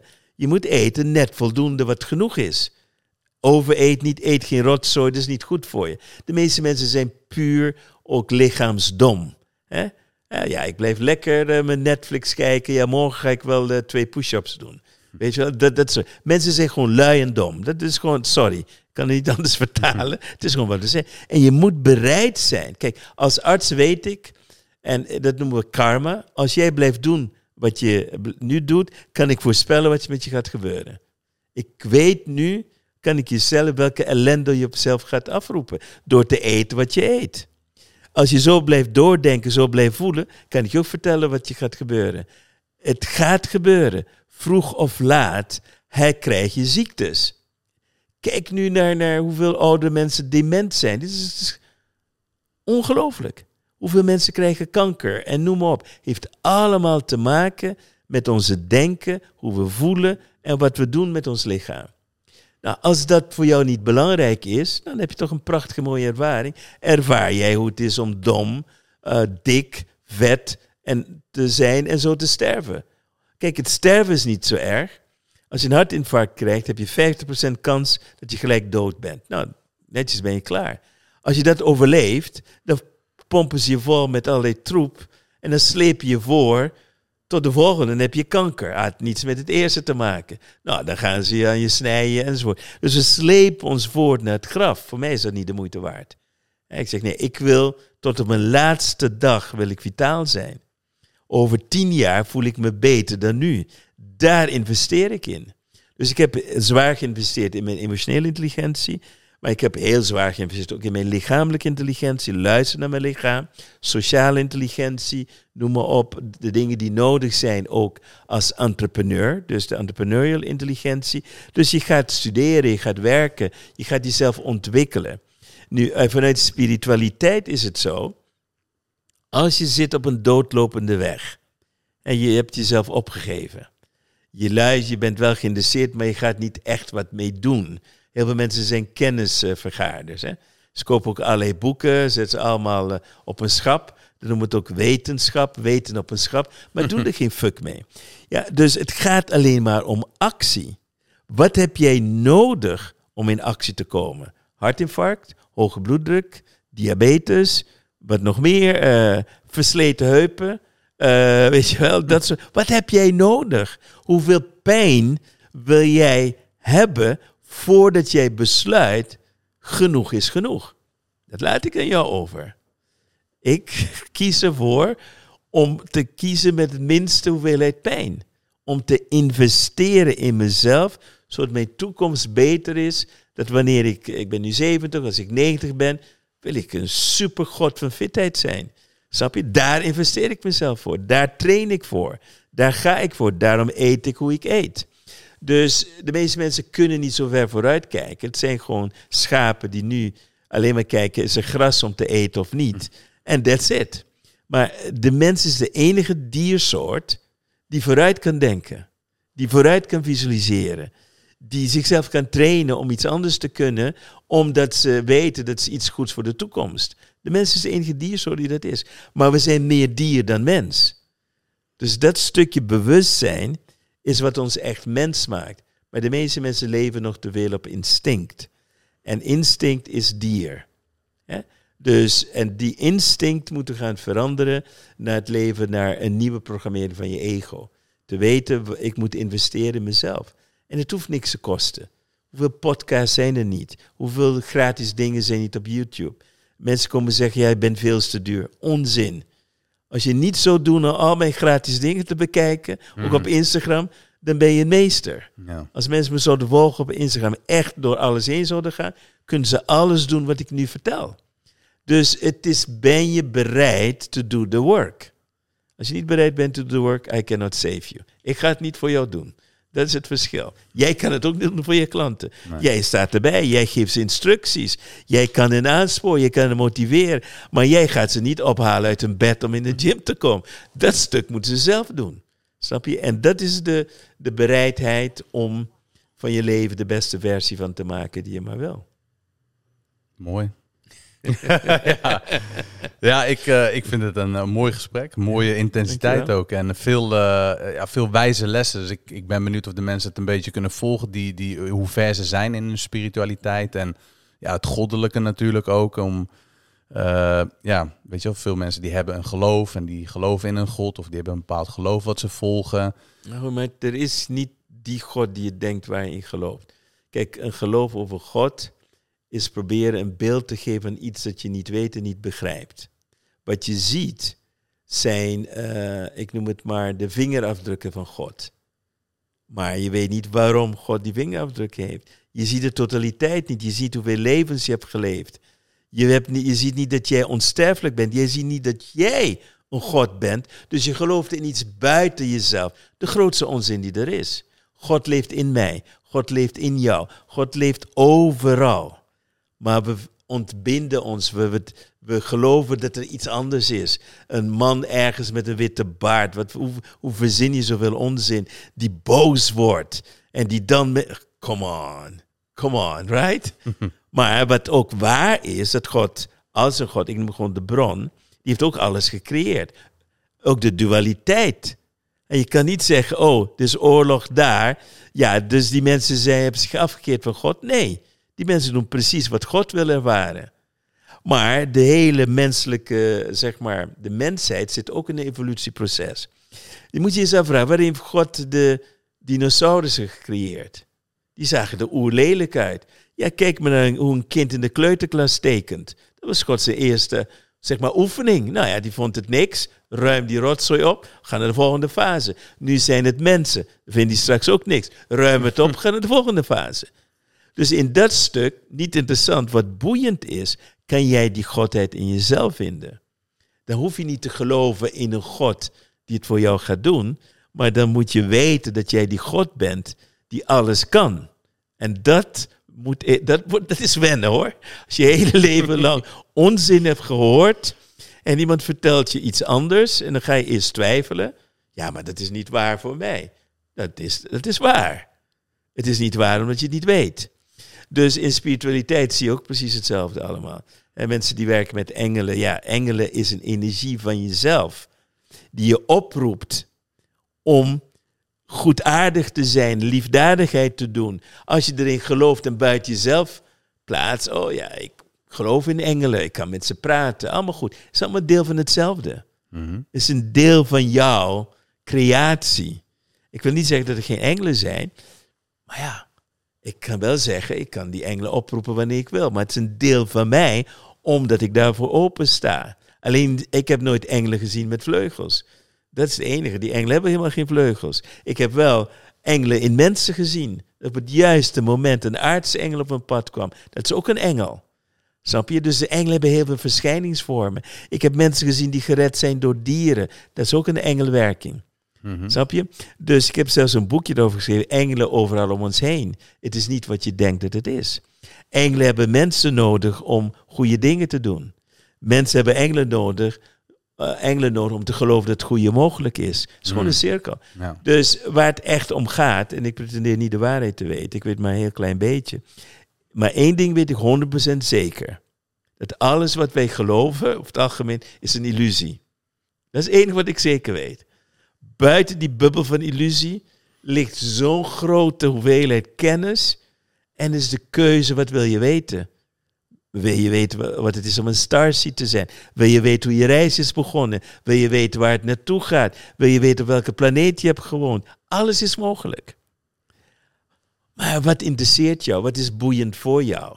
Wat kies jij om in dit leven te ervaren? Dat is het enige wat er overblijft. En dan kan je die toegang gebruiken van jouw potentieel om dat leven te ervaren en die versie van jezelf te worden die jij wilt zijn. Dat is alles. Ik denk dat dat de conclusie is van alles over kwantum, alles over religie, alles over spiritualiteit, alles over mensheid komt neer.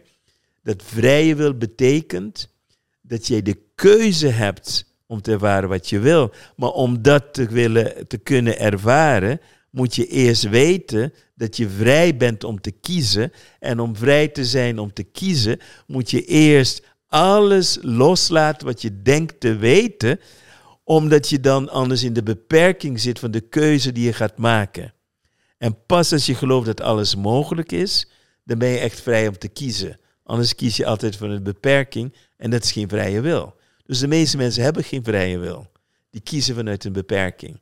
En ze vinden het veilig om te blijven in die beperking, want alles wat buiten de beperking leeft, is, is eng, is onveilig. En dan ben je terug bij het ego. En dan is het spelletje rond. Ja, ik, vind, ik zit echt met veel aandacht te luisteren elke keer. En... Het is hypnotiserend. Ja, zeker, zeker.